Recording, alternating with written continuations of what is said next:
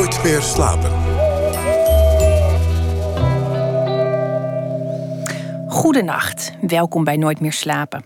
Voordat ik met Ernst van de Wetering ga praten, schakelen we bij gebrek aan vrouwenvoetbal eventjes over naar het boekenbal, waar Inge ter Schuren in een bloedstollende jurk rondloopt.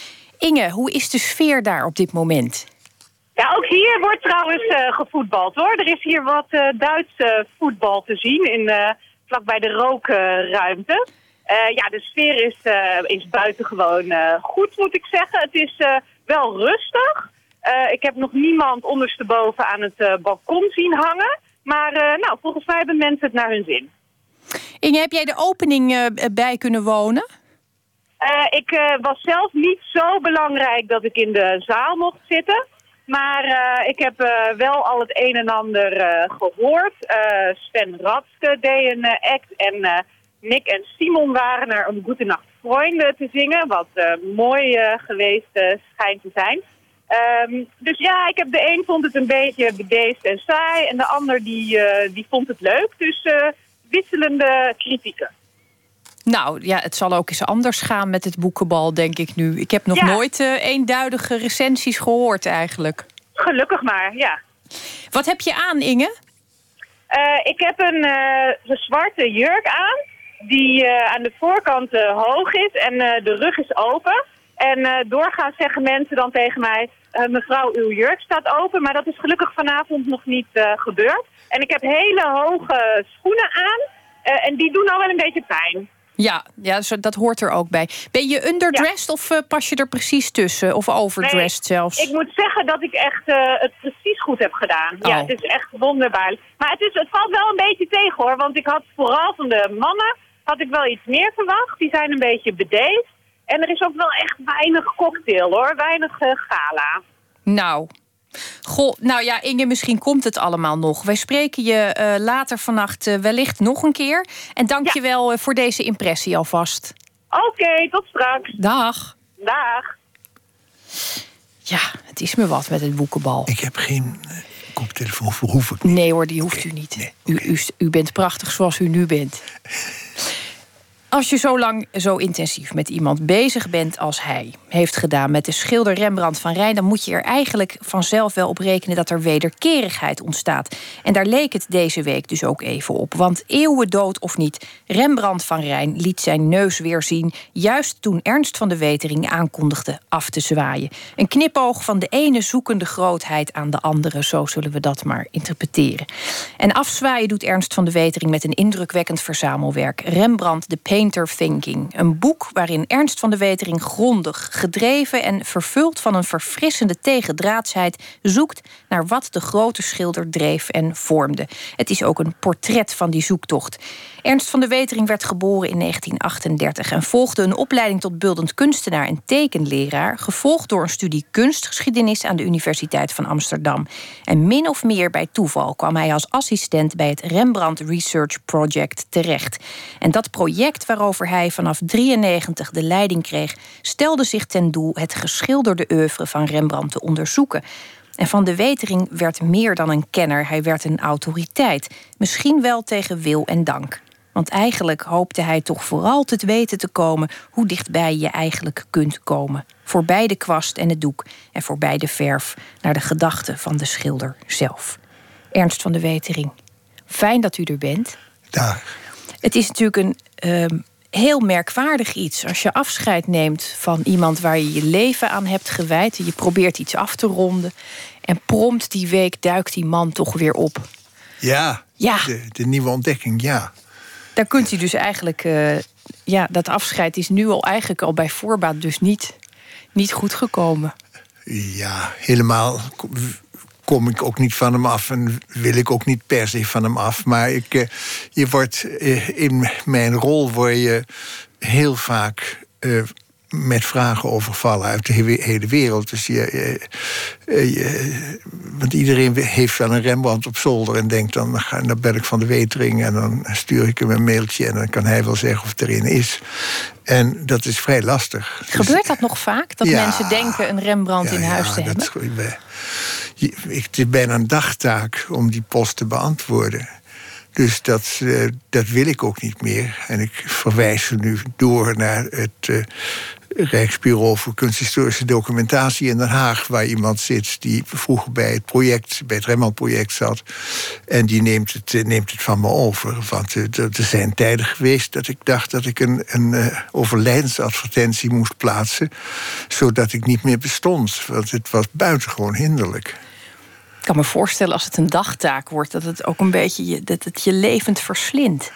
Ja, daar komt dan ook bij dat de mensen vaak dat te lui zijn om nog eens een keer in een boek te kijken. die denken, nou laat Van de Wetering het maar uh, oplossen. Maar ik heb nooit, ik heb nooit uh, overwogen om, om dat niet meer te doen. Omdat er zo nu en dan zit er iets bij. Dus we hebben een aantal hele interessante Remmels ontdekt over de jaren heen. Mede door gewoon ja, die post altijd maar te openen. En, uh, het heeft geloond in ieder geval. Het heeft zeker geloond, ja.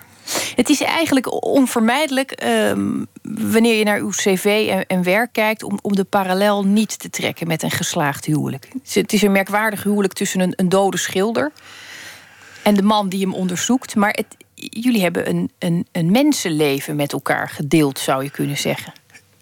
Ja, dat kun je zeggen. Het is niet zo dat ik bij het maniacale af met Rembrandt bezig geweest ben. Ik moest natuurlijk ook geld verdienen en dat deed ik niet bij het Rembrandt-project. Eh, dus ik ben toen ondergebracht na een jaar assistentschap en ze bleken me te willen houden in een centraal laboratorium voor onderzoek van voorwerpen van kunst en wetenschap. Dat was een niet, op dat moment nog niet zo lang bestaand instituut. En daar heb ik 18 jaar gewerkt en heb ik geweldige kansen gekregen om niet alleen maar op het gebied van Rembrandt te onderzoeken, maar ook op allerlei andere eh, eh, kunsthistorische en eh, kunstgebieden.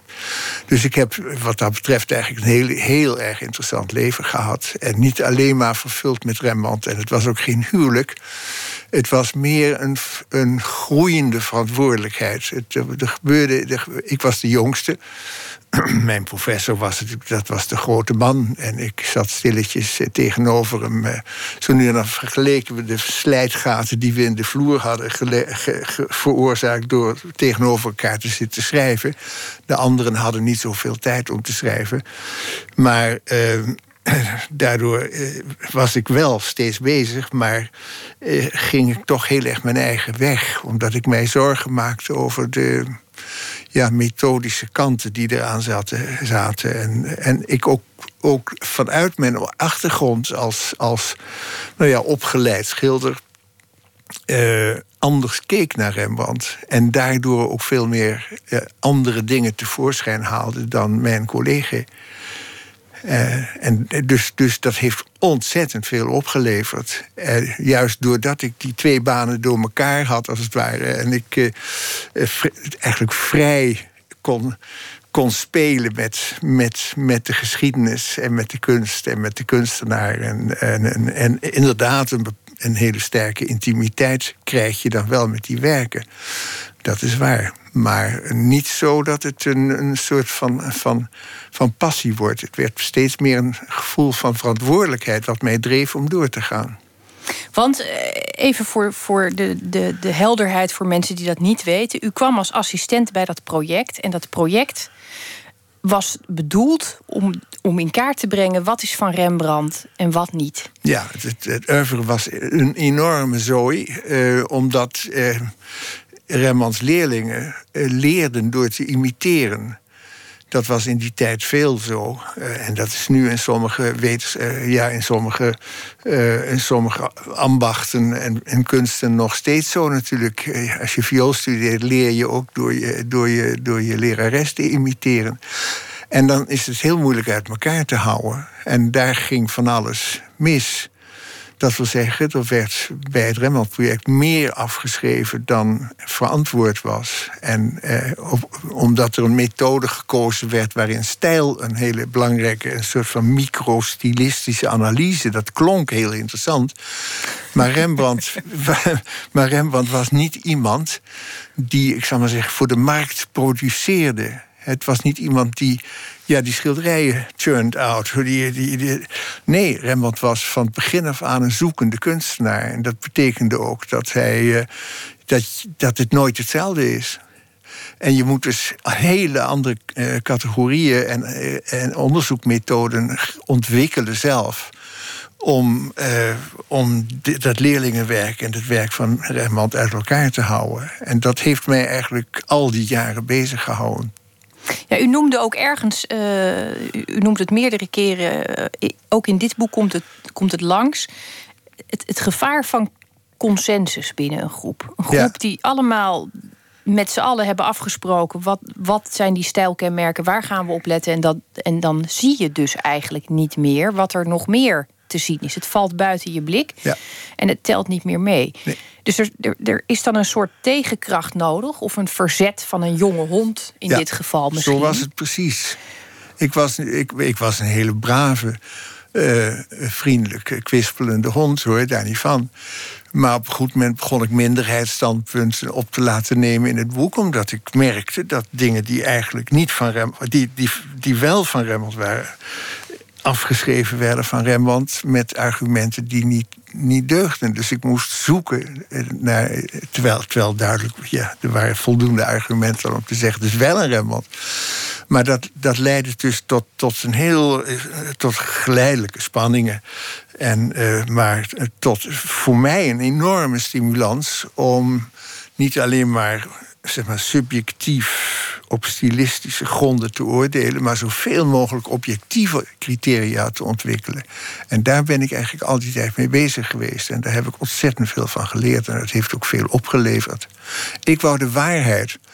En het gekke was, mijn collega's dachten dat het goed genoeg was als je een redelijk onderbouwde opinie had. Men dacht, zo, zo werkt het in de kunstgeschiedenis met het kennerschap. Maar het was geen kennerschap. Dacht, ik dacht dat we de waarheid aan het zoeken waren. Daar ben ik pas veel later achtergekomen dat er dat verschil zat tussen hun en mij.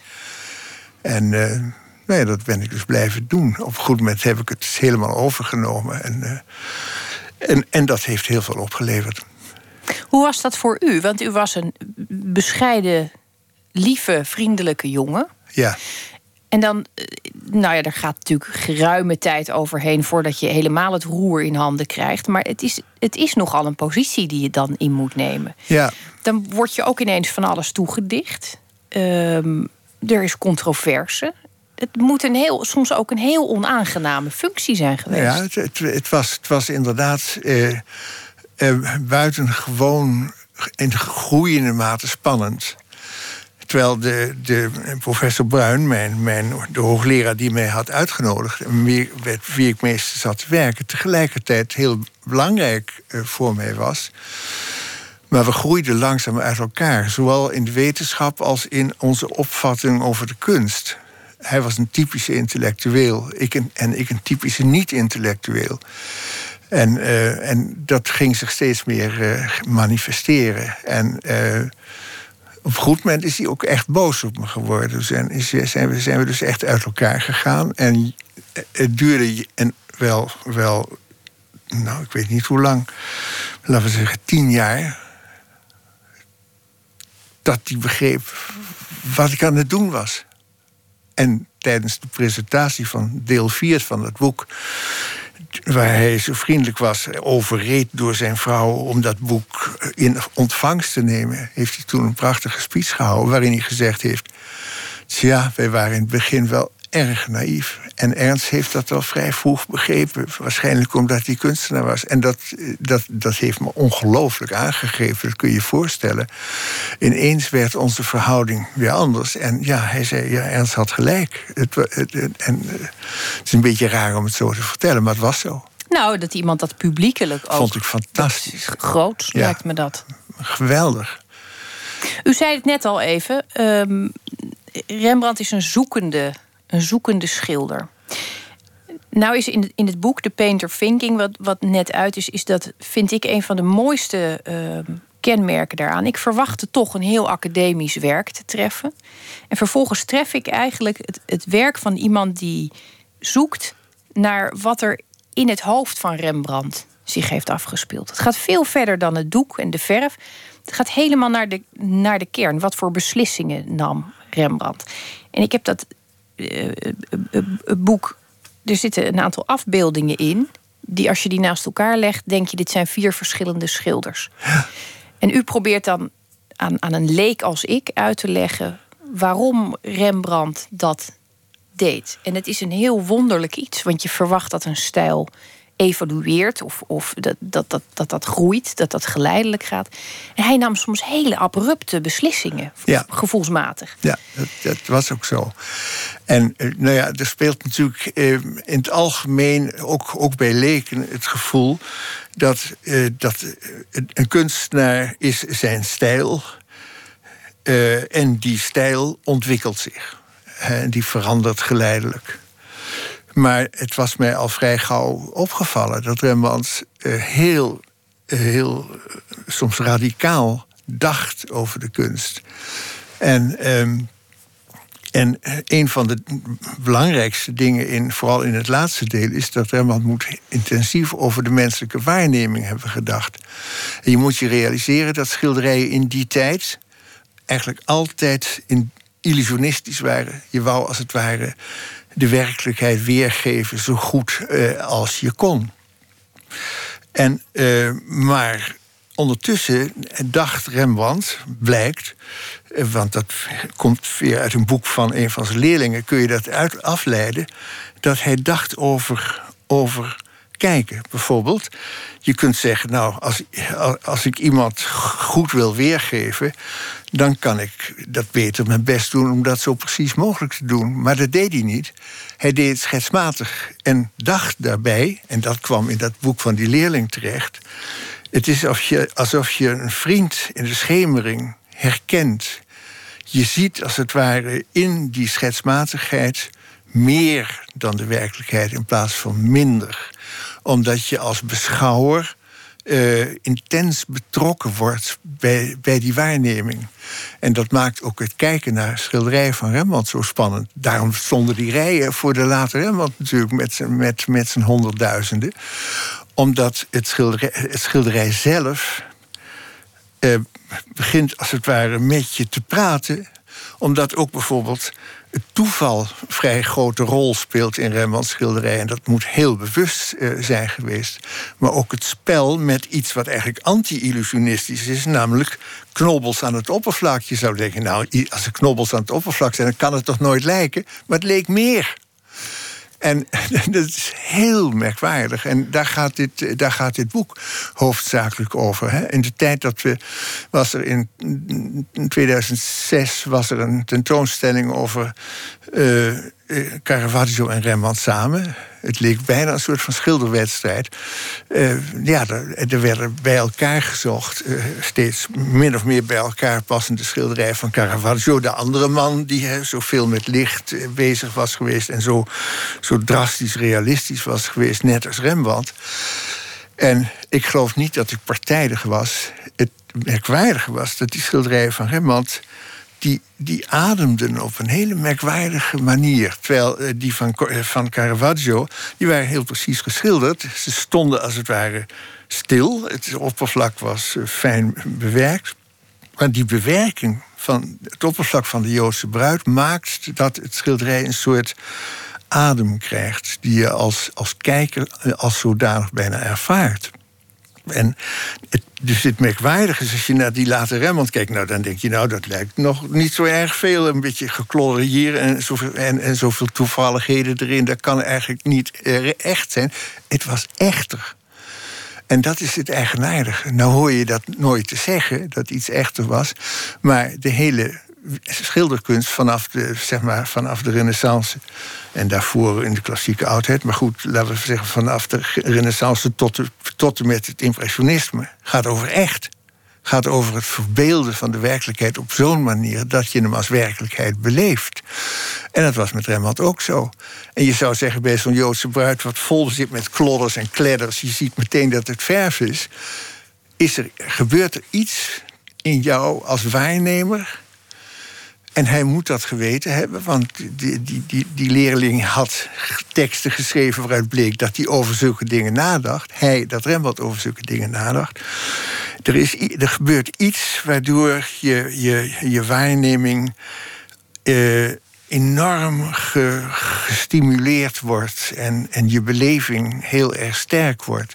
En dat is wat, wat die, later Rembrandt had, eh, heeft, heeft en waar, waarom zoveel mensen naar die tentoonstelling gingen. Het is zo mooi, weet je, je, je, kunt natuurlijk over, uh, over dit soort zaken heel analytisch denken, maar als ik als ik u zie vertellen en hoor vertellen, dan zie ik dat er zintuigelijk ook nog van alles gebeurt. En misschien was dat ook de verrassing van dit boek voor mij, omdat ik dus een heel academisch werk verwachtte, verwachtte ik ook dat het vooral hier bleef. Maar zo'n schilderij doet natuurlijk van alles in je ja. uh, als kijker. Ja. En dat, je dat, dat, dat dat ook gewoon genoemd mag worden en dat daar vragen over mogen worden gesteld, vond ik eerlijk gezegd wel een verademing. Omdat ik uh, me serieus genomen voelde als, als, als buitenstaander, als iemand die naar een schilderij kijkt en daar dingen ook bij mag voelen, bijvoorbeeld. Ja. Wat heel prettig is. Ja. Nou, de, de, de, dat komt mede doordat die schilderijen zo concreet zijn. De meeste schilderijen zijn, uh, zijn hele precieze illusies, zal ik maar zeggen. Maar bij Rembrandt zijn, hebben ze altijd een krachtige aanwezigheid. En die nodigt de kijker uit, gek genoeg, om als het ware bijna mee te schilderen, mee te beleven wat hij, wat hij ziet. En dat is eh, iets heel anders dan een hele precieze weergave.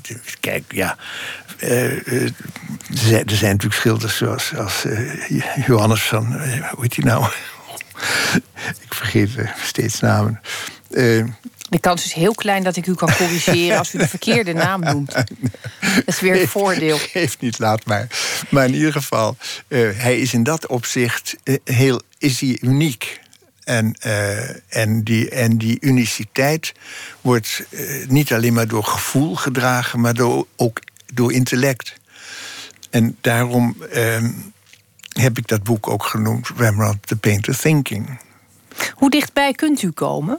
Want, eh, want je hebt niets. Als je, als je begint te schrijven over wat een, een, een schilder denkt.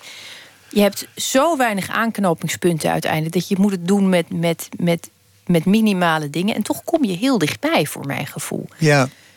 Ja, en zeker bij Rembrandt is er haast niks. He, dat hele laatste hoofdstuk, dat gaat maar over één zin die hij ooit over kunst heeft gezegd. Namelijk uh, dat hij streefde naar het meeste en die natuureelste bewegelijkheid. Dat is, dat is een beroemde zin.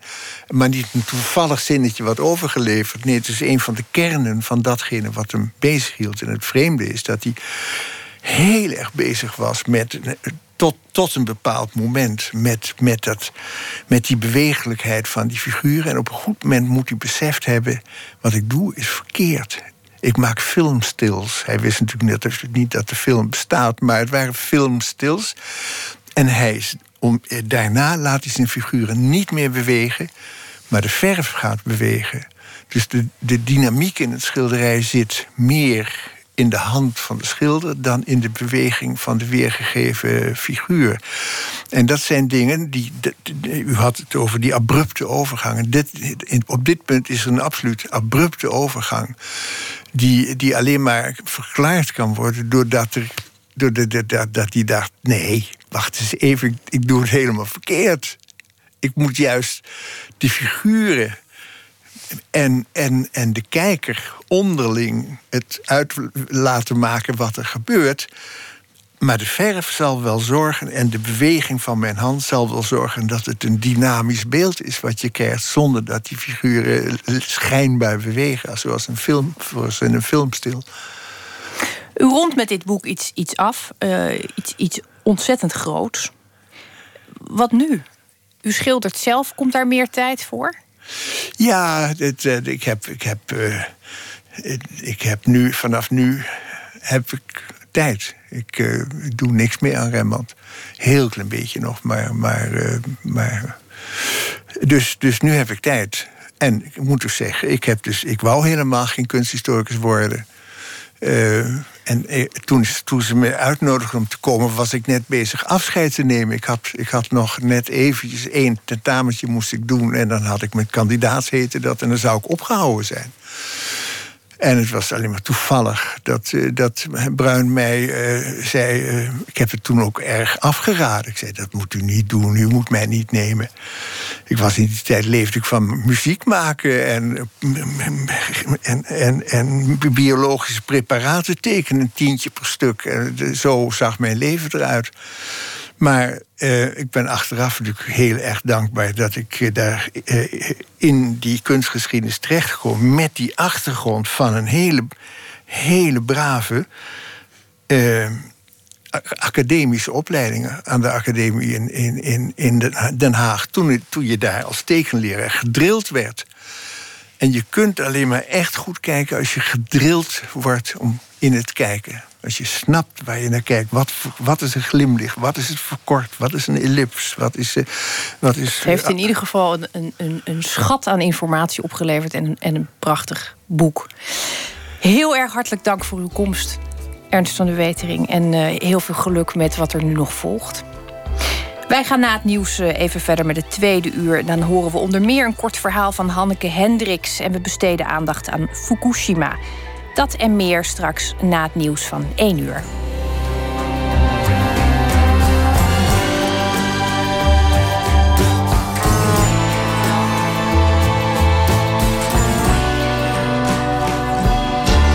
Op Radio 1, het nieuws van alle kanten.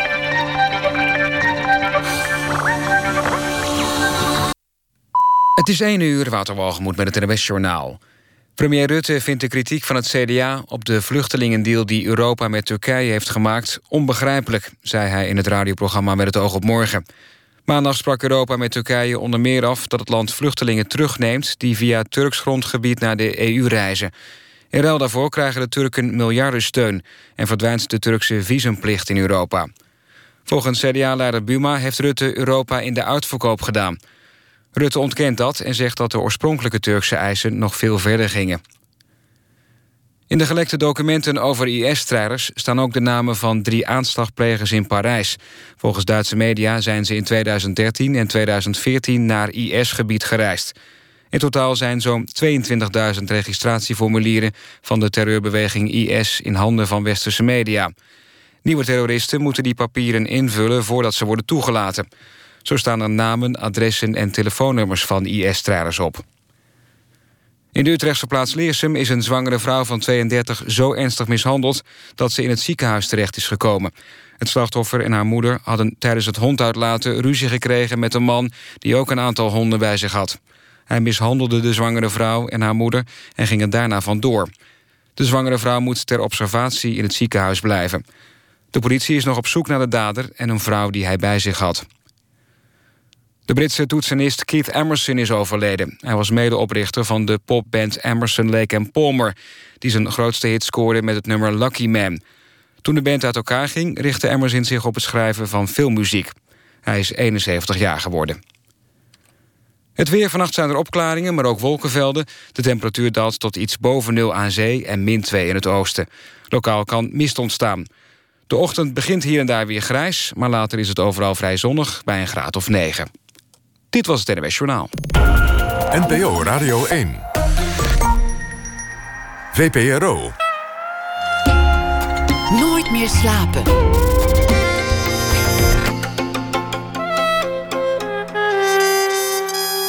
Met Esther Naomi Perquin. Goedenacht, welkom terug bij Nooit meer slapen. Tot voor kort kwam er nog rook uit de schoorsteen van de energiecentrale van Nijmegen. Nu is het gebouw gesloten en is er de locatievoorstelling Het Geluid van Stroom te zien. Straks een verslag van de repetities. En zanger-gitarist Roald van Oosten komt straks langs. U kent hem misschien van Caesar of Ghost Trucker. Hij heeft nu een soloalbum uitgebracht, Oh Dark Hundred. Maar we beginnen met proza bij het nieuws van de afgelopen dag. Opnieuw verzorgd door Hanneke Hendricks, die deze hele week al prachtige bijdragen heeft geleverd. Zij debuteerde in 2012 met de roman De Verjaardagen. En twee jaar later volgde de roman De Dyslectische Hartenclub. Verder schrijft ze voor onder meer toneel en is ze hoorspelmaker. Hanneke, goedenacht. Goedenacht. Ben jij nog nuchter?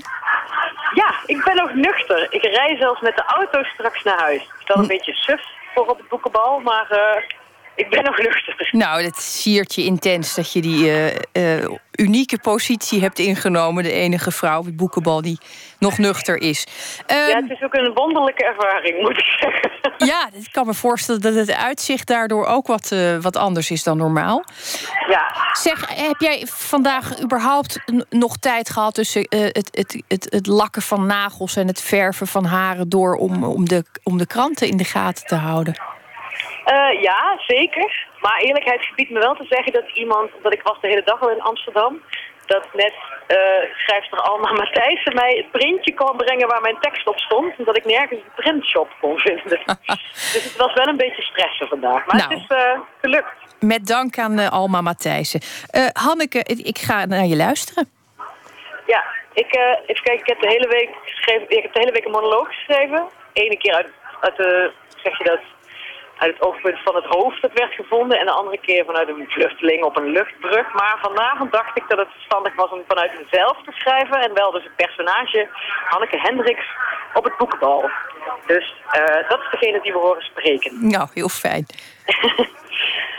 Begrijp me goed, ik wil niet blasé gaan doen over het boekbal, echt niet. Ik hou juist van dit soort feestjes. Jaren terug crashte ik ieder jaar met twee vrienden het gala van de Gouden Kalveren... door ons voor te doen als rodies van een bevriende DJ. Dan liepen we op hakken en in pompoze jurken met ieder een platenkoffer in de hand door de backstage deur. En eenmaal binnen was het vooral het leukst om te doen alsof we er echt hoorden, tussen alle sterren. De eerste keer op het boekenbal kwam ik binnen doordat een literaire organisatie me benoemd had tot chef audiotour, uh, terwijl er helemaal geen audiotour was. Ze hadden een bordje neergezet met daarop audiotour hervat zo dadelijk. Niets is zo leuk om op een exclusief feestje te zijn terwijl je er eigenlijk niet hoort. Een vrienden muzikant vertelde een keer dat hij, toen hij in de band van het programma tijdens het boekenbal moest spelen, grote bossen bloemen in de kleedkamer had gevonden. Voor iedereen in de band. Later kwam ik erachter dat iemand van Propria Curis zich smiddags had voorgedaan als bloemist en zich daarna in de toiletten had verstopt. Vorig jaar kwam ik een vriendin tegen op balkon. Ze droeg een spijkerbroek en zat onder het stof. Waar kom jij vandaan? vroeg ik. Oh, zei ze nonchalant. Ik ben vanaf de kroegje naast via de kruipenruimtes tot onder het podium in de zaal uitgekomen. Maar het was nogal stoffig. Ik was gewoon met een kaartje binnengekomen. Ik was vreselijk jaloers. Ook dit jaar ben ik gewoon door de voordeur in de rij naar binnen gegaan. Maar ik miste de tijd dat het stiekem ging. Niet dat ik blasé wil doen over het boekenbal, heus niet. Maar misschien moest ik me volgend jaar toch maar weer eens als Rodi gaan verkleden. Ja, Hanneke, ik leef intens met je mee. Er is eigenlijk weinig zo vervelend als, uh, als, als dit soort feestjes... als je er ook echt heen mag. nou, misschien moeten we volgend jaar, maar ook via de kruipruimte gaan samen. Ik snap eerlijk gezegd niet dat je nog nuchter bent nu. Ik, ik vind hoe, hoe langer, hoe onbegrijpelijker. Ik wil je heel hartelijk danken voor je mooie bijdrage van deze week. En ik wens je nog een, eh, een dolle boel daar op het boekenbal. Dankjewel, dankjewel. Dag. Doei.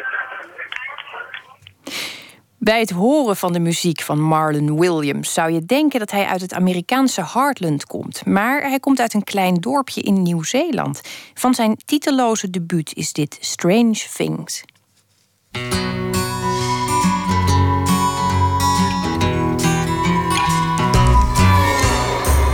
I lost my wife in 1989 to a certain kind of undetectable cancer. She left me alone in a seven bedroom home built upon the bones of fallen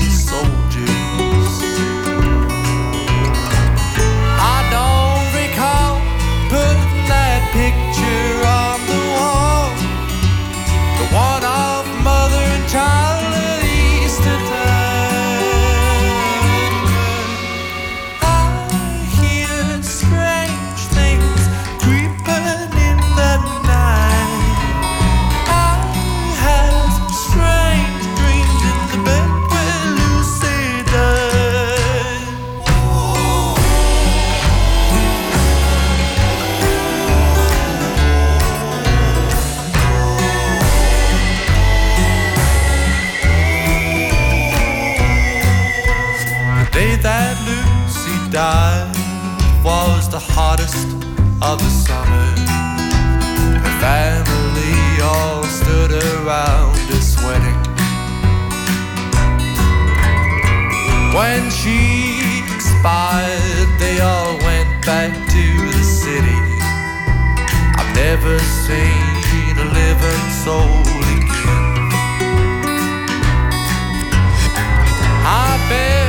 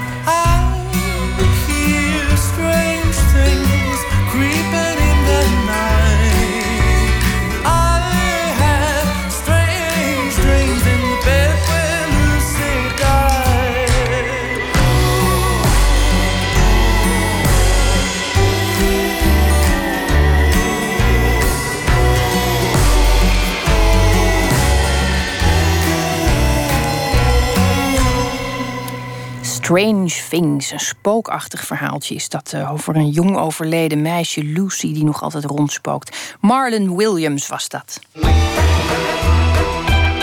Nooit meer slapen.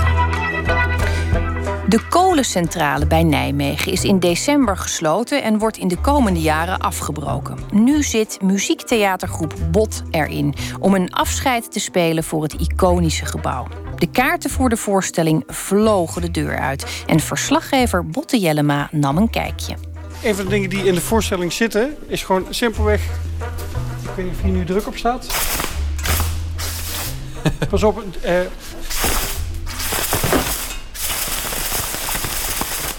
Geert Jonkers, hij is audiomachinist bij muziektheatergroep Bot.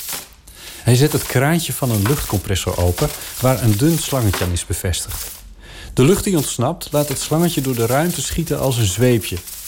Het is agressief door de grote kracht die aan het werk is. dit soort gewoon hele simpele eh, industriële geluiden. Die klonken hier. En die, die raken ook. Er waren gisteren bij de try-out een paar mensen die heel lang hebben gewerkt. Juist dat soort geluiden. Wat je nu op de achtergrond hoort. Gewoon ergens zo'n. Een of andere, een of ander, of een generatortje of een toetertje of weet ik wat, ergens heel ver weg.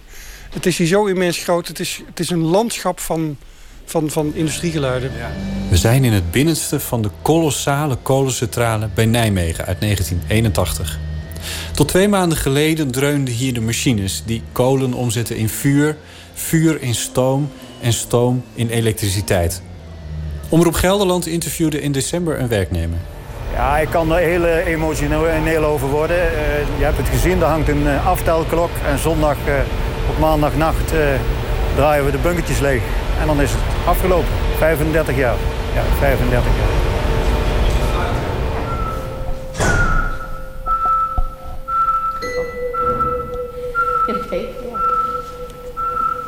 Nu is het stil. Bijna. Theatermaker Carina de Wit leidt me rond. Je moet je voorstellen dat het gebouw is in transitie. Ze zijn met de sloop bezig. Daar gaat drie jaar overheen.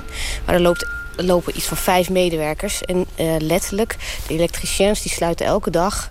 Die hebben een groot boek met allemaal codes. En die, eh, dan wordt dat gedeelte afgesloten, dan dat gedeelte. En die zijn daar maanden mee bezig om het helemaal... Uh, ja, om dit gebouw uit te zetten? Te ontmantelen bijna, ja, uit te zetten. Ja. En, ja, eh, dus daar mogen jullie niet bij komen. Maar Nou, we hebben goed contact met ze. Oh ja. dat moet ook. Ja. Maar het is, het is uh, ja, want daar wordt gerepeteerd. Dat is Ja. ook goed. Uh, je moet je voorstellen dat in zo'n gebouw, de ketel, en je hebt meters buis wat richting de ketel gaat. Ja. Nou, dat, dat, uh, dat zal het publiek ook zien. En, uh, en je hebt de kolenmolens die, uh, die daar gestookt werden. En het, het kool vermaalde. Ja. En de hitte produceerde om een enorme druk door die ja. buizen te stuwen. Ja. En dat stuurde een turbine aan en die, die zie je ook ergens? Ja. Die zit hier achter de... Achter die witte kappen. Achter de witte kap. Kunnen we daar ook Ja. kunnen we erbij kijken? Of? Ja, jij mag erbij kijken. Oké. Eh, Ja, dan ben ik toch gewoon... een hele stevige behuizing omheen om eh, het geluid te dempen. En eh, dat mensen hier nog rond konden lopen. Dat was ook toen hij in werking was, is dat een van de grootste veranderingen. De transformatie moet je je voorstellen dat het echt een gebouw was vol met geluid. Echt Ja. fabrieksgeluid. Dat je elkaar bijna niet verstond. Moest je echt moeite voor doen. Alleen in bepaalde ruimtes kon dat. En wij kwamen een, nou, een paar dagen nadat hij gesloten was. En dat was allemaal weg. Ja. Dat is, eh, Dan is dat gebouw... Want wat we nu horen, dat is, dat is de wind die hier om het gebouw jaagt. En er is nog een mooi verhaal. Dat is de tegeltjes in de vloer. Vertel dat even. Ja, de, de, eh, vroeger was die hitte door die kolenmolens ook, met name. En ehm, nu wordt dat gebouw ijs en ijskoud. Dus die kou gaat in de stenen zitten. Ja, hij staat nu twee maanden het. uit. Hij staat nu op twee... Ja, het gebouw krimpt eigenlijk. En gaat, gaat eh, aftakelen. Ja, het is zo'n de- badkamervloer tegeltje. Zoals hier ligt, of zwembadvloer. met grijze vlekjes, eh, een heel mooi tijdsbeeld ook. Eh, dat, dat springt omhoog. Dus er was hier gisteren, ehm, Geert was er. En die dacht, wat hoor ik? Ik hoor een soort geknetter. En die ging al naar stoppenkastjes kijken. En toen zag hij voor zich echt een, een tegeltje op spanning... plop, eruit eh, springen. Jeetje. Dat, ehm, Dat is toch interessant, hè? Dat die krachten, die oude krachten, dat er nog steeds in dat gebouw zit. Ja. En dan langzaam uittrekken op Ja. een of andere manier. Ja, klopt. word ik nu veel te filosofisch over iets nou, eenvoudigs als een dat ontkom je niet aan. Want eh, het is ook zelfs eh, als je de medewerkers spreekt bijvoorbeeld. Ik begon me af te vragen, wat doet het met jou als, als nu dat je rondloopt? En nou, bij, bij de een is het, die, die wordt echt, die, ziet, die is in rouw. Die ziet het gebouw Hmm. aftakelen. Maar de ander zegt, eh, Het gebouw waar hij zo lang alles, al alles heeft gedaan om het, om het intact te houden, ja, draaiende te... ja, heel veel eh, gezien en beleefd heeft. Zijn, zijn wereld. Eh, en zoveel kom ik nog, maar het, het gaat nog veel verder. Dus een andere medewerker zegt, ik hoor nog steeds het geluid, s'avonds. Of ja, ze, ze worden er bijna fysiek eh, misselijk van dat het er niet meer is. Hmm. Dat, dus je krijgt wel groots, eh, ja, jij noemt het filosofisch, maar het is extreem hier. Het is een soort extreme mini-maatschappij. En ehm, eh, dat was ook de uitdaging die we hadden. Het is zo'n imponerend gebouw. Ja, maak daar maar eens muziek tegenop. Of de- je moet erin blenden. En dat, daar hebben we echt naar gezocht. Van hoe kunnen het publiek laten ervaren wat het gebouw was. Door middel van geluid en beeld. En ehm, het niet als een decor te gebruiken, maar ja, mensen bijna een zintuigelijke ervaring te, te laten krijgen in dit gebouw.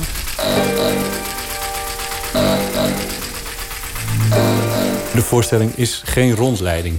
Zo centraal is een ingewikkelde samensmelting van machinebouw, chemie, elektrotechniek en natuurlijk de technici die het draaiende houden. De muziektheatermakers van Bot willen laten zien wat het allemaal oplevert.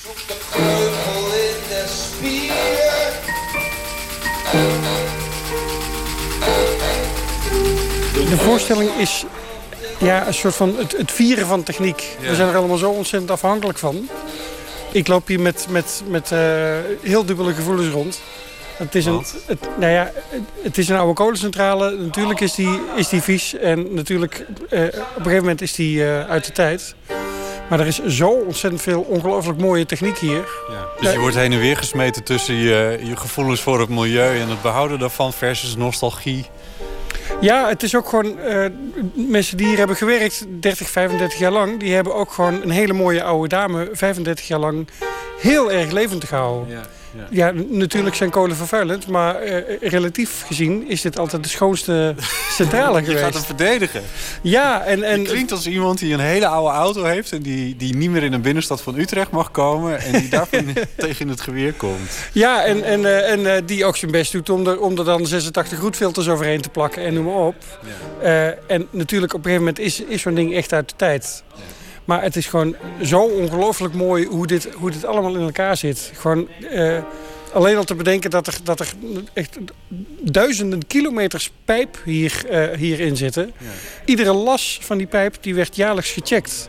Je wil niet weten hoeveel lassen dat zijn. En je wil niet weten hoeveel, hoe toegewijd de mensen moeten zijn geweest. Omdat ieder jaar weer, iedere keer moet alles, alles, alles gecheckt zijn. En dan mag jij overal op slaan. Ja, dit is eh, crazy, crazy. Eh, in heel veel zit een klank. Normaal gezien, als we met bot ergens heen gaan... dan eh, ook hier komen we met een, met een container vol eigen archiefmateriaal. Dingen die we zelf, kunnen zelf hebben gemaakt en hier kunnen gebruiken. Die nemen we mee. We hebben hem hier eigenlijk uitgeladen, maar eigenlijk is alles gewoon blijven staan op, op de knoppenbas na die je nu even op de achtergrond hoort. Eh, eigenlijk is alles hier. Dus we hebben zoveel mogelijk materialen van hier gebruikt. En opnieuw gekeken van ja, wat, wat, wat heeft dit nog net even als toevoeging nodig. Eh, eh, wat matcht met de beeldentaal en met de klanken die hier zijn. Als mensen kijken hier naar beneden, dat, dat nummer wat je nu hoort, Ja? dat, dat vindt plaats onder je voeten. En dan zie je allemaal lichtbeelden. Ah, op de dit is echt heel diep. Ja. Hoe diep is dit? Ik heb geen hoogtevrees of zo, maar dit is wel echt... eh, Als je dat wel hebt, dan vind je dit helemaal niet leuk. Nee, maar het fijne is dat je hier met eh, 100 man eh, staat. Nee, dat is helemaal niet fijn. nee, je kan er voor- bijna voor kiezen hoe je, hoe je naar deze ruimte kijkt. Er gebeuren hier allemaal dingen om je heen qua geluid. En, Ja. eh, Dat kan je ook doen. Ja, precies. Gewoon niet naar beneden Nee, kijken. precies. Overal in het gebouw heeft Bot muziekinstrumenten opgehangen of kleine klankinstallaties gemaakt die refereren aan de industriële omgeving waar we in zijn. Leidingen, buizen, hendels, knopjes, trappen, roostervloeren. Je kan hier elke minuut wel ergens je hoofd aan stoten. Als je naar deze voorstelling gaat, moet je platte schoenen dragen, warme kleding aantrekken en er rekening mee houden dat je beschermende kleding aan Ik weet moet. wel iets van techniek en mechanica. Maar er lopen hier slechts nog een paar mensen rond van de honderden die hier eh, gewerkt hebben. Ja, daar- mijn, mijn kennis valt in het niets in vergelijking met wat zij weten. Wij hebben dan weer de gave om van de weinige kennis die we hebben poëzie te maken. En dat verbaast hen dan weer. Ik hoop dat we ze een mooi cadeautje kunnen geven met deze voorstelling. Als eh, een soort van afscheid.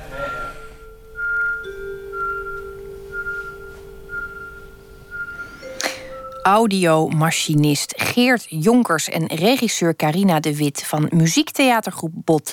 Ze spelen de voorstelling Het Geluid van Stroom tot begin april in de oude kolencentrale bij Nijmegen. En helaas, alle voorstellingen zijn al uitverkocht. Wij hebben nog even tijd om te schakelen naar het boekenbal. Inge ter Schuren is ter plaatse. Inge, is er al een beetje gevochten daar? Nou, nee, er is nog niet gevochten, maar er zijn al wel heel veel harten gestolen. Harten gestolen, dat is ook altijd heel essentieel. Ehm, Was de jouwe daar toevallig ook bij? Nee, ik had het eigenlijk best wel leuk gevonden. En stiekem hoopte ik er ook nog eh, wel op dat het zou gebeuren. Maar, ehm, nou ja, wie weet, hè? De, nacht is nog jong. De nacht is nog jong. ja. Heb jij eh, zelf al eh, harten gestolen eigenlijk? Of, of, eh, want die, zoals je die jurk net beschreef, kan dat toch eigenlijk niet fout gaan, zou je denken? Ja, nou, ik was eigenlijk net bezig een hart te stelen. Maar ja, toen werd ik door jullie gebeld. Dus ik, ik vrees dat die kans nu verkeken is. Ja. Ja, Ja. dat komt nooit meer terug, dat moment. Nee, nee Zeg, maar goed, eh, kansen genoeg. Eh, Zo is dat. En waar ik natuurlijk ook nieuwsgierig naar ben... eh, en, en met mij natuurlijk eh, vele Nederlanders... die eh, op dit moment niet eh, in de stad Schouwburg zijn. Wie zit er op de trap? Wie zit er op de trap? Ja, mensen lopen alleen maar op de trap, moet ik zeggen. Ehm, ik heb eh eh, Ilja Leonard Pfeiffer heb ik best wel lang bovenaan de trap zien staan. En eh, het gerucht gaat dat hij zelfs speciaal voor vanavond zijn haar gewassen heeft. Dus dat is wel echt eh, ja, een speciale gelegenheid. Ja, zeker. Ehm, ja, ja en, en verder wordt er vooral heel veel gelopen. Niemand durft het hoor, om te gaan zitten. Nee. Nee, want het Nee. is natuurlijk ook een. eh, je, je doet nogal wat als je zomaar Ja. eh, op de trap gaat zitten. De nieuwe Mulisch eh, wordt, ja. Wat, wat, voor, wat voor muziek wordt er momenteel gedraaid? Heeft het allemaal een Duitse connotatie of is het inmiddels helemaal opengebroken? Nee, het is, het is een en al Duits. Net hoorde ik eh 99 luchtballonen nog voorbij komen. Dus Duitser kun je het niet krijgen. oh, ik krijg nu een hart voorgeschoten dat ik iemand strandvrouw ben. Dat is wel leuk. Eh, volgens mij is nu DJ Ostmaier bezig. Nou, dat Ja, lijkt zeg me. mij niks hoor, maar het klinkt wel goed. Het klinkt zeker goed. Ben jij een danser eigenlijk? Ja, ik ben wel een eh, enorme danser, maar er wordt echt heel weinig eh, gedanst hier. We gaan misschien zo de dansvloer nog even openbreken. Onveilig maken. Ja, zeker. Nou, Inge, ik zou dat zeker doen. Ehm, ik zou... Mag ik nog even ook de, de award voor de mooiste jurk van de avond eh, uitreiken? Nou, ik wou het net gaan vragen. Oh, ja, alsof je mijn gedachten kan lezen. Oh nee, ik die van jou. Eh, nou, eh, die gaat toch wel naar Marcia Luiten. Die, Want? nou, die heeft echt een soort van beeldige zeemeerminnen jurk. Met een heel strak licht lijfje met allemaal ja, parelachtige bloemen erop. Eh, en dan dat lange donkere haar dat eh er overheen golft. Eh, ja, dat is wel de ster van de avond. Nou, het klinkt bijzonder aanlokkelijk. Ik hoop dat je straks nog even wat foto's doorstuurt. Dan kan ik even Ja, ik meekijken. ga eh, stiekem mijn foto's maken. Nou, lijkt me heerlijk. Inge, dank je wel. Ehm, ik zou zeggen, ja, zet het alsnog op een dansen. Geef het goede voorbeeld. En, en als je echt moe bent, ga gewoon op die trap zitten. Iemand ja, moet oh, het doen. dat ga ik doen. Ja, iemand moet het doen. Heel fijn. Dank je wel, Inge, vanuit de stad Schouwburg in Amsterdam. Het programma Woord praat u straks verder bij trouwens over de laatste stand van zaken op het boekenbal. Dus u hoeft echt niets te missen, gelukkig maar. Straks te gast in de rubriek Open Kaart is zanger-gitarist Roald van Oosten. En hier gaan we naar hem luisteren met het nummer Acceleration.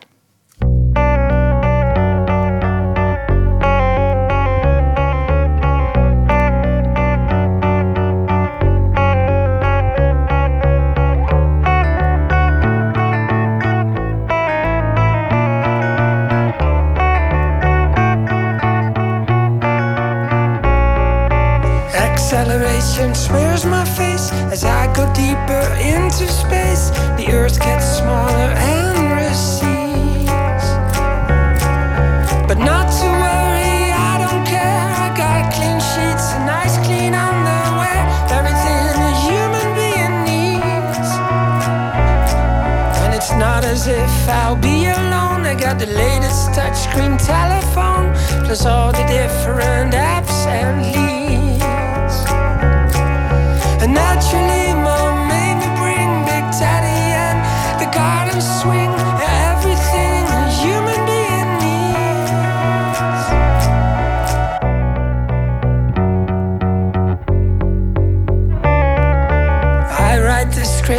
In the stars in long rows or storage jars In which I keep fresh human eggs and seeds.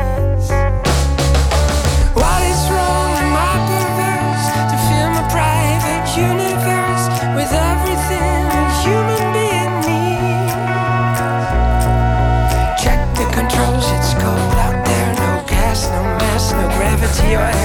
Zero is what each meter reads. But not to worry, cause I shall die. I write the script, and that is why I got a private oxygen supply. Lungs that inflame, a heart that bleeds. Oh, yeah, of everything a human being needs. Lungs that inflame, a heart that bleeds. Oh, yeah of everything a human being needs. Lungs that inflame, a heart that bleeds. Oh yeah, of everything a human being needs. Roald van Oosten was dat met Acceleration. Open kaart.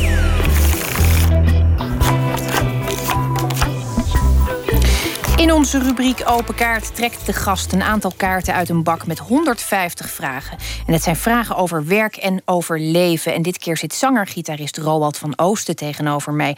Hij werd bekend als voorman van Caesar, de band waarmee hij onder meer op Pinkpop en Lowlands speelde. En in 2006, toen Caesar min of meer een slapend bestaan leidde, bracht hij een album uit met Ghost Trucker, een gelegenheidsformatie met bevriende muzikanten. En vervolgens bleef het relatief stil terwijl hij hard aan het werk was. Hij maakte muziek voor films en theater. En toch werd er dikwijls gesproken over het maken van een soloplaat. En die is er nu. Oh Dark Hundred. Roald, welkom. Goedenavond, hoi.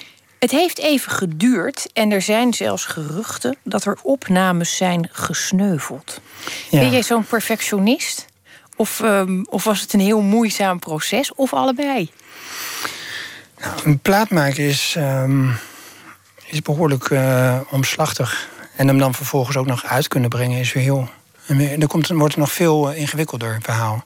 En dat, dat was eigenlijk. Um, om al die dingen te doen en te combineren met mijn werk voor theater en film was een beetje lastig al die tijd. Dus nu had ik gewoon een beetje de, de boel op orde. En daarom is het dit keer gelukt. Uh, ja. Maar dit was ook de eerste keer dat ik, dat ik er ook echt zin in had. En duik je er dan ook echt in? Heb je dan weken de tijd om je, om je min of meer onder te dompelen in dit? Ik had twee weken de tijd, denk ik. Dat is dus niet. Ik heb echt heel weinig tijd gehad. En dat was. Dat heb ik ook al een paar keer gezegd. Het was heel goed dat, uh, dat ik niet. Niet, je moet niet te veel tijd hebben voor je, voor je eigen dingen, want dan, dan verlies je in honderd versies. Dus ik heb juist die, die, hele, die, dat hele kleine beetje tijd dat ik had, heb ik gewoon heel goed besteed. Dus twee dagen studiotijd met, uh, met de band. En de rest zelf in mijn vrije uur in de studio. En uh, laat de mixer iemand anders in zijn vrije tijd. Dus het was allemaal heel simpel. Het is echt een nachtplaat geworden. Ik heb uh, uh, vanmiddag zitten luisteren en ik zat notabene in de zon. En dan nog hoor je dat het een nachtplaat is. Ja? Waar, waar zit hem dat toch in?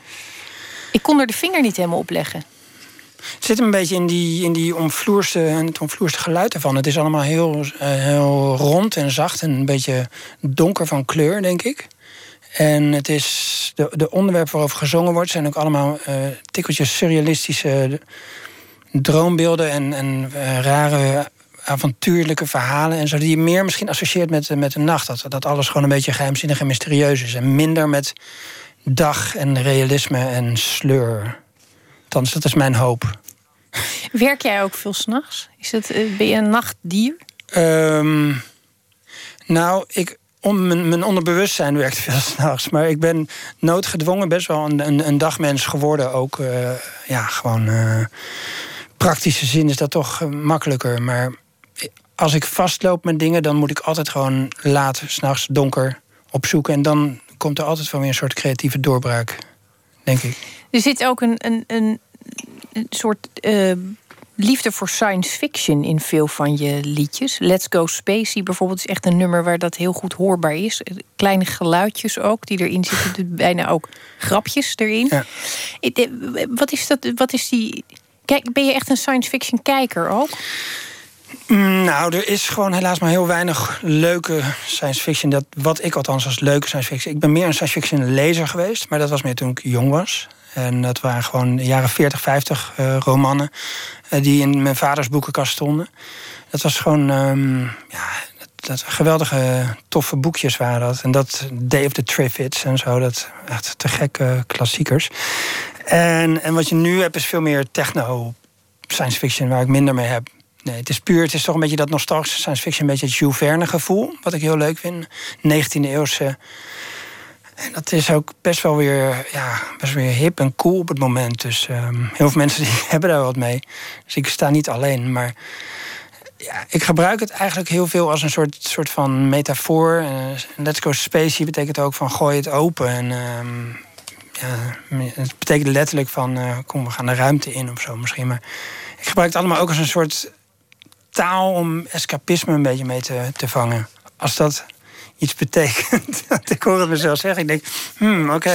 Ik vind escapisme vangen al een hele mooie ja, paradox. Ja. Um, nou, dit is, dit is, het is, uh, er valt natuurlijk gewoon ontzettend veel uh, over, over dit proces te zeggen en over de plaats zelf ook. Ja. Um, maar daar gaan, we, daar, daar, gaan we ons in, uh, daar moeten we ons in beknotten. Want we willen natuurlijk ook heel graag de rol van het toeval ja. een plek geven. Ik zou zeggen, trek een, een kaart. Oké. Hoe zou je het liefst sterven? Dat is meteen een goede opener, vind je niet? Over uh, escapisme gesproken. um, ik denk in een ruimteschip met mijn kat op schoot. ik denk dat dit antwoord wel het, uh, de verwachtingen voldoet. Denk je niet? Ja. Nou ja, het, het, het kan een heel mooi beeld zijn om opgehaald te worden en in je eentje de aarde ook echt te verlaten. Er is, een, er is een secte toch die verwachten dat ze, dat ze de laat, uh, ja, dat ze bij het, laat, het, het, einde van de aarde, wereld, dat ze opgehaald worden door. Is dat niet gewoon de Wie zijn dat ook alweer? Dat ze opgehaald worden door ruimteschepen en naar Mars gevlogen worden. Wie, wie zijn Maar zouden ze dan met z'n allen in dat ruimteschip zitten? Want dat lijkt mij dan niet zo prettig Ja. op je laatste reis. Dat je al dat hun ook vrienden mogen mee en al hun familie die ook in hun ware geloof zitten mogen mee. Nee, ik zie toch bij jou niet zo de neiging om je hierbij aan te sluiten. Nee, ik, ik heb een klein, geen talent voor religie, vrees ik. Nee, Nee, een dus- scepticus. Dus eh, hoe zou je het liefst sterven? Nou ja, ik bedoel, het liefst natuurlijk ehm, helemaal niet, maar je ontkomt er niet aan. Dus doe het dan maar groots en meeslepend. En dus ja, bang. Ik vind het een heel aanstekelijke eh, visioen in ieder Ja. geval. Ja. Pak nog een kaart. Wat vind je lelijk aan jezelf? Mm. Nou, ik ben wel sinds een tijdje probeer ik mezelf wel te verbeteren. ik ben wel.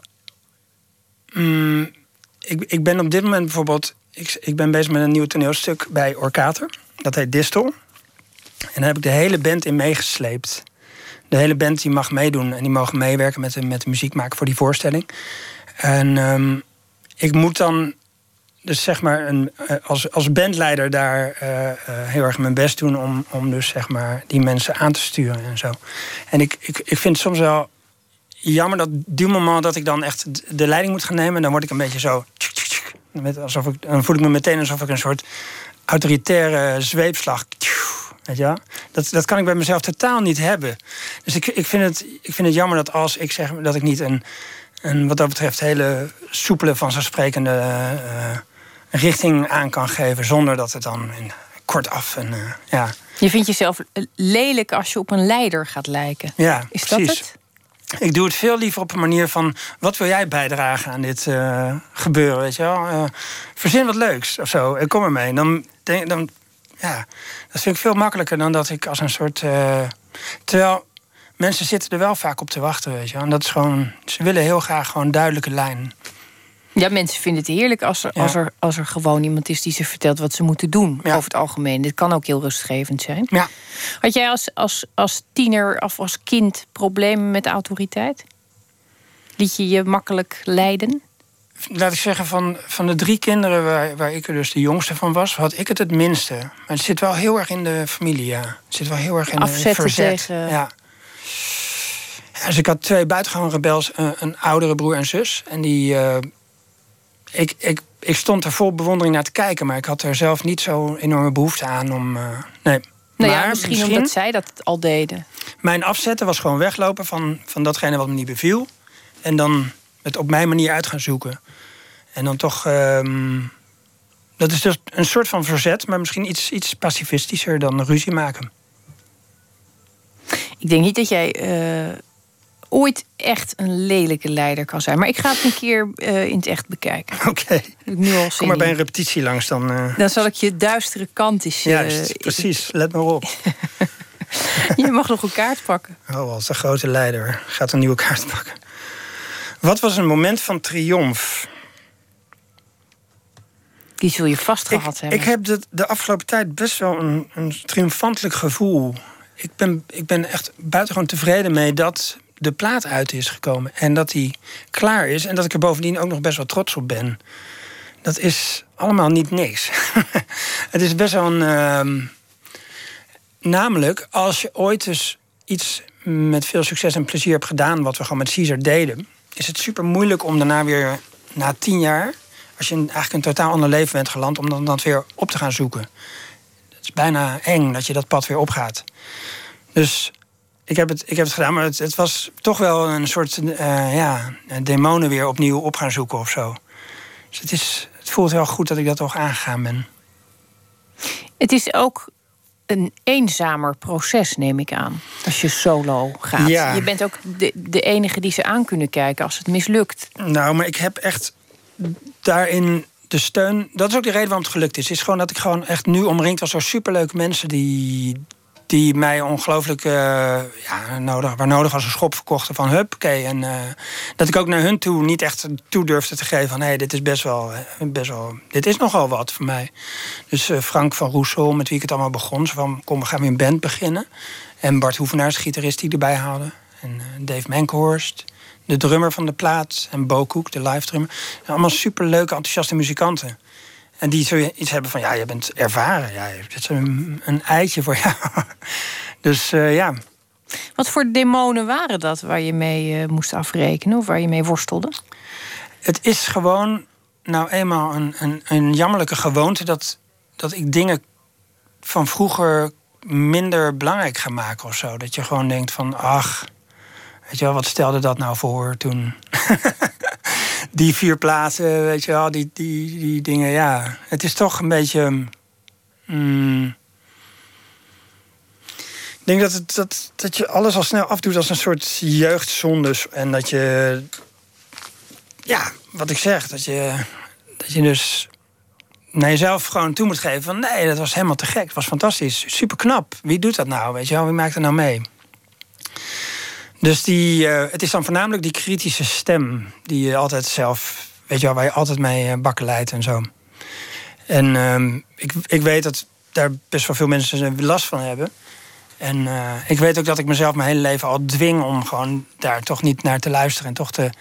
Dat je jezelf zo verschrikkelijk veel ontzegt. Het is gewoon te leuk om niet die dingen te doen, ook die, die eng zijn en die misschien niet de makkelijkste weg zijn. Dus dat was op dit moment. Dat zit dan toch ook wel dat ik mezelf nu toesta van hé, hey, ik, ik, voel me echt ontzettend blij met hoe het, uh, hoe het nu loopt. Ja. Hij is ook heel goed ontvangen tot nu toe. Je, ja. je, je, bent overal, is niet in een zwart gat nee. gevallen. Nee. nee. Um, denk je ook dat dat iets, dat iets van die uh, worsteling en het overwinnen van die angsten te horen is? Geloof je daarin of vind je ja, dat onzin? Ik begin, nee, ik begin daar ook serieus nu rekening mee te houden... dat dat toch wel een deel is van, uh, van waarom het werkt. Sowieso, dingen die, die echt zijn en die gewoon... Uh, die om, de, om de juiste redenen doet, namelijk omdat je vindt dat het heel belangrijk is om dat te doen. Ik denk dat dat veel makkelijker communiceert... of dat mensen dat veel meer herkennen als iets wat misschien boeiend is... dan iets wat je, wat je doet om als ik bijvoorbeeld een plaats maak omdat ik weer net als vroeger gewoon beroemd wilde worden, weet je wel, dat is gewoon zo absoluut nooit meer de reden. Ik denk dat het inderdaad misschien omdat het echt is, dat het dan interessanter is of zo. Ja. Ik denk het ook. Ja.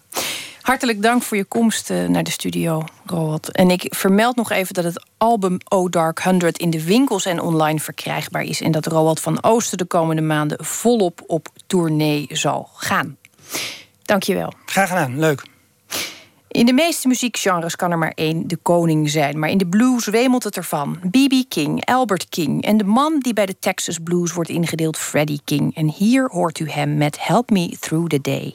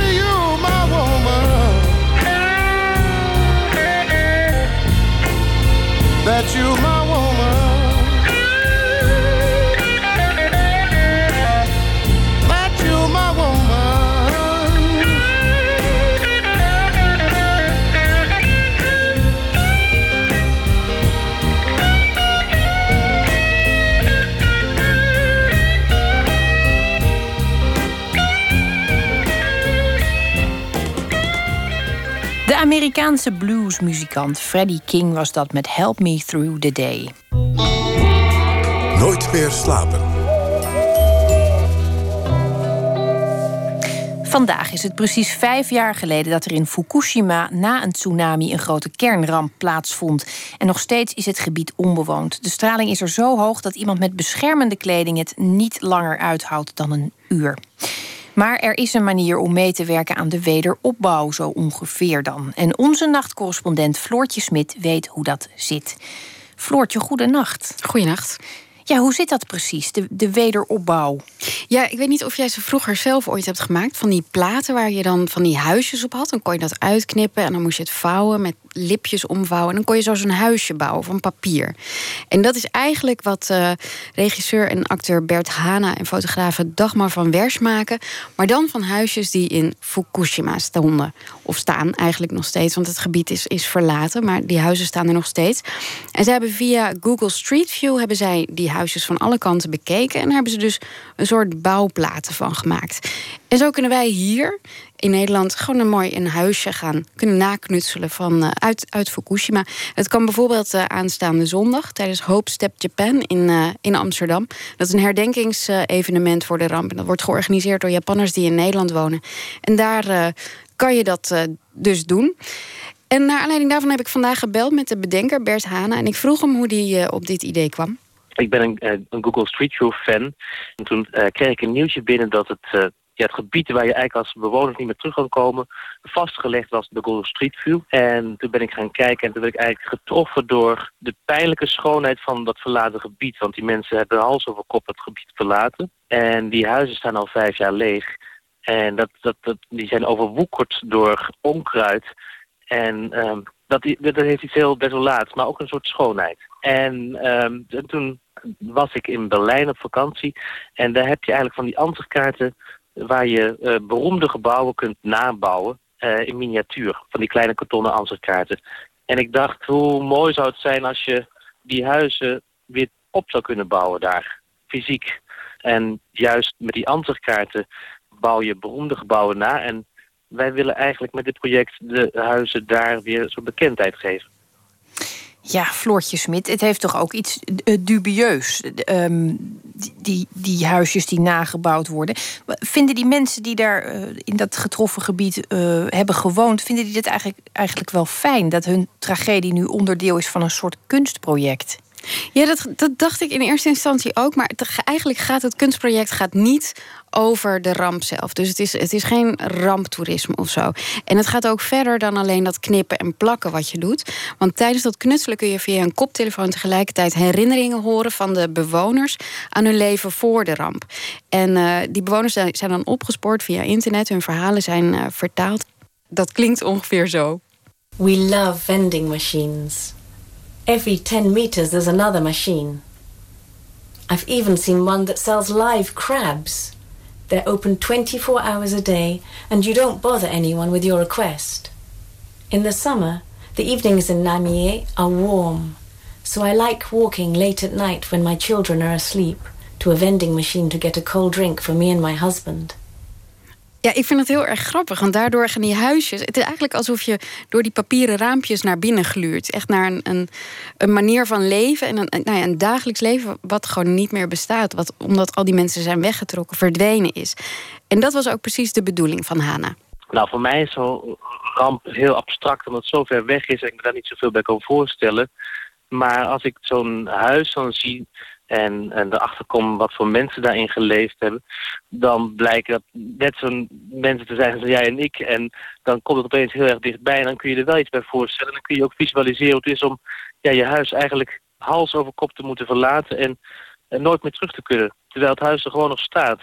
We hopen eigenlijk zo ja, een soort klein monumentje te bouwen voor, voor dat gebied, maar ook voor die mensen. Ja, wat dus grappig is, is dat die huisjes er ook uitzien alsof het, nog, alsof het nooit gebeurd is. Dus eh, waar je in, in Google Street View een soort overwoekering ziet, zie je hier gewoon potten met dan een plantje erin. Alle roestige plekken zijn weggehaald, afgebladderde verf. Het is echt in, in volle glorie hersteld. En wat we dan doen is we gaan uh, shoppen, zou maar zeggen, op Street View in Japan. Dus dan ga ik op zoek naar een, uh, een, een goede balustrade of een, een regenpijp. En die plakken we er digitaal weer in voordat we de bouwpakket van maken. Goh, nou, hoeveel huizen zijn er inmiddels klaar? Ze hebben er nu acht. En dat hangt heel erg af van de mensen die ze dan opgespoord hebben via internet. Dus eerst willen ze het verhaal hebben en dan zoeken ze welk huis daarbij hoort. En dat is nog steeds een beetje problematisch. Want op Street View kan je natuurlijk niet alles zien. Dus de achterkant van de huizen. Of huizen die een beetje achter andere huizen staan. Dat moeten ze ook een beetje met eigen fantasie oplossen. En is het uiteindelijk de bedoeling om op die manier dan heel uh, Fukushima na te bouwen? Ja, in principe wel. Het zijn alleen 800 huizen. Dus ik moest er zelf een beetje... Want hij is nu al een poosje bezig met dit project. Hij heeft er acht. Dus ik dacht, dat gaat heel lang duren. Uh, en hij zei wel dat tegen de tijd dat het af is... hoopt hij wel dat die mensen weer terugkomen. Maar ja, dat kon wel eens uh, heel problematisch worden, dacht hij zelf. Dat, dat uh, bouwen, Floortje, waar kunnen we dat ook weer gaan doen? Ja, dat is dus aanstaande zondag in het Lloyd Hotel in Amsterdam. Tijdens Hope Step Japan. En uh, daar zijn ook verschillende lezingen en discussies. En uh, nou ja, je kunt kijken op hopestepjapan.com. En meer informatie over specifiek dit project is te vinden op www.rebuildfukushima.com. Floortje Smit, dankjewel. Graag gedaan. Ryan Adams stond lange tijd bekend als een zelfdestructieve en onhandelbare muzikant. Het bleek niet alleen aan de alcohol te liggen, want de ziekte van Meniere werd bij hem vastgesteld. Die diagnose verklaarde zijn duizeligheid, zijn oorsuizen en de uitbarstingen en de podiumvrees die daar dan weer het gevolg van waren. Afijn, tegenwoordig loopt, leeft hij uh, stukken gezonder. Hij loopt hard en hij zorgt goed voor zichzelf en hij maakt dan ook nog prachtige platen. Wij draaien het nummer Kim van Ryan Adams.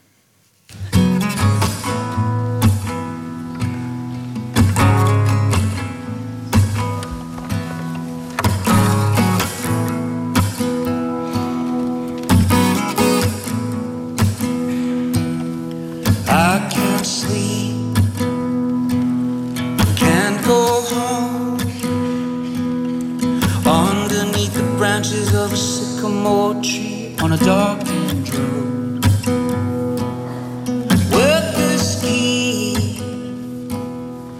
Scratched into the wall, I spell out your name. It's fucking with my head, fucking with my heart. And as the autumn leaves they turn and fall Walking down the streets where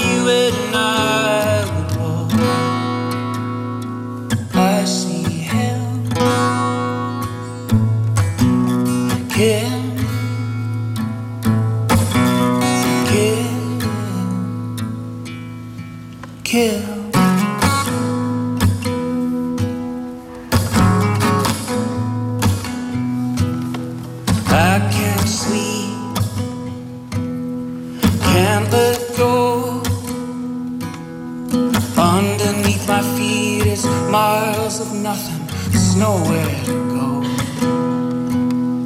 With this key scratched into my arm, I spell out your name, it's ringing in my ear like a false alarm. And as the autumn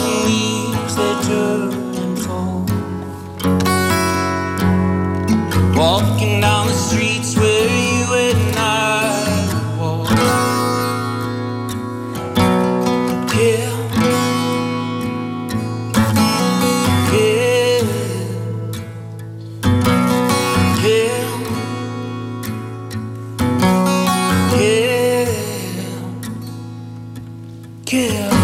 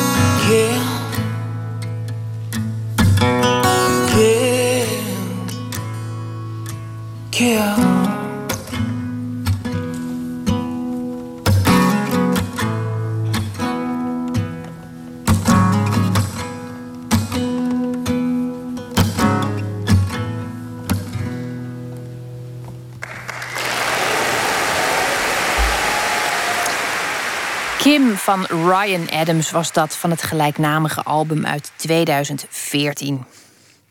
Poëzie nu. Dichter Lucas Heers debuteerde in 2006 met de bundel Familiegebied. Daarna volgden nog drie bundels, waarvan de laatste Ontsla me van alles wat ik lief heb heet. U hoorde deze week al vier van zijn favoriete gedichten en de vijfde is er een van Mustafa Stitu. Het woord is aan Lucas Heers.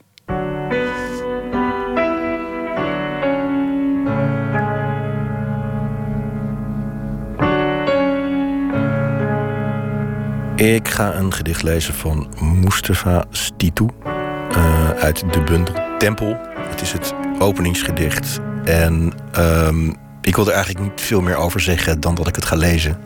Want het spreekt zich vanzelf. Het is een prachtig gedicht. En iedere keer als ik het hem ook hoor voordragen, dan lopen de rillingen over mijn rug. Het is, ja, het is een grote schoonheid. Op mijn rug torste ik de doodskist waarin mijn vader lag. Diep voorover gebogen, voetje voor voetje, schreed ik wankelend voort. Het ging steeds moeizamer. De last werd te groot. Ik hield het niet meer. Voorzichtig liet ik mij neerzakken op de grond, lang uit, schoof onder de kist vandaan, lichtte het deksel op en fluisterde zonder aarzeling. Vader, ik kan je niet dragen, het spijt me. Kun je misschien een eindje meelopen? Het duurde even voor hij zijn ogen opende. Zijn gezicht was ongeschoren, zijn haar zat verward. Hij droeg een lange witte onderbroek en een wit hemd. Toen zuchtte hij en schudde zijn hoofd, spottend, medelijdend, zoals altijd. Hij richtte zich op, stapte uit de kist bewoog zich voort met kalme tred. Ik liep achter hem aan. Ook ik zei niets. De kist bleef achter midden op het pad. We kwamen aan bij het graf. Het was al gedolven. Zonder een woord vleide hij zich neer. Ging liggen op zijn zij. Draaide zich toen op zijn andere zij. Hij moet van zijn God met zijn gezicht naar het oosten liggen, dacht ik, richting Mekka. Gelukkig vraagt hij mij niet waar het oosten is, want ik weet het niet. Hij vouwde zijn handen in elkaar, schoof ze als een kussen onder zijn hoofd, zuchtte weer diep en sloot zijn ogen. En ik, ik zakte door mijn knieën. En met woeste armbewegingen dichtte ik het graf. Een grote schoonheid. De Haarlemse dichter Lucas Heers hoorde u met een titelloos gedicht van Mustafa Stitu. Volgende week hoort u de keuze van Florence Tonk. En ik vertel nog iets over maandag. Dan komt landbouw- en voedseldeskundige Louise Fresco langs. Haar boeken over voedselvraagstukken zijn in verschillende talen verschenen. Ze schreef eerder De tuin van de sultan in Rome, een novelle over een jonge Syrische immigrant in de marge van de grote stad. Maandag komt ze daarover vertellen bij Pieter van der Wielen. Straks kunt u luisteren naar de collega's van het programma Woord. Die zijn er voor u de hele nacht. En ik wens u voor nu een hele goede rust of een prachtige nacht.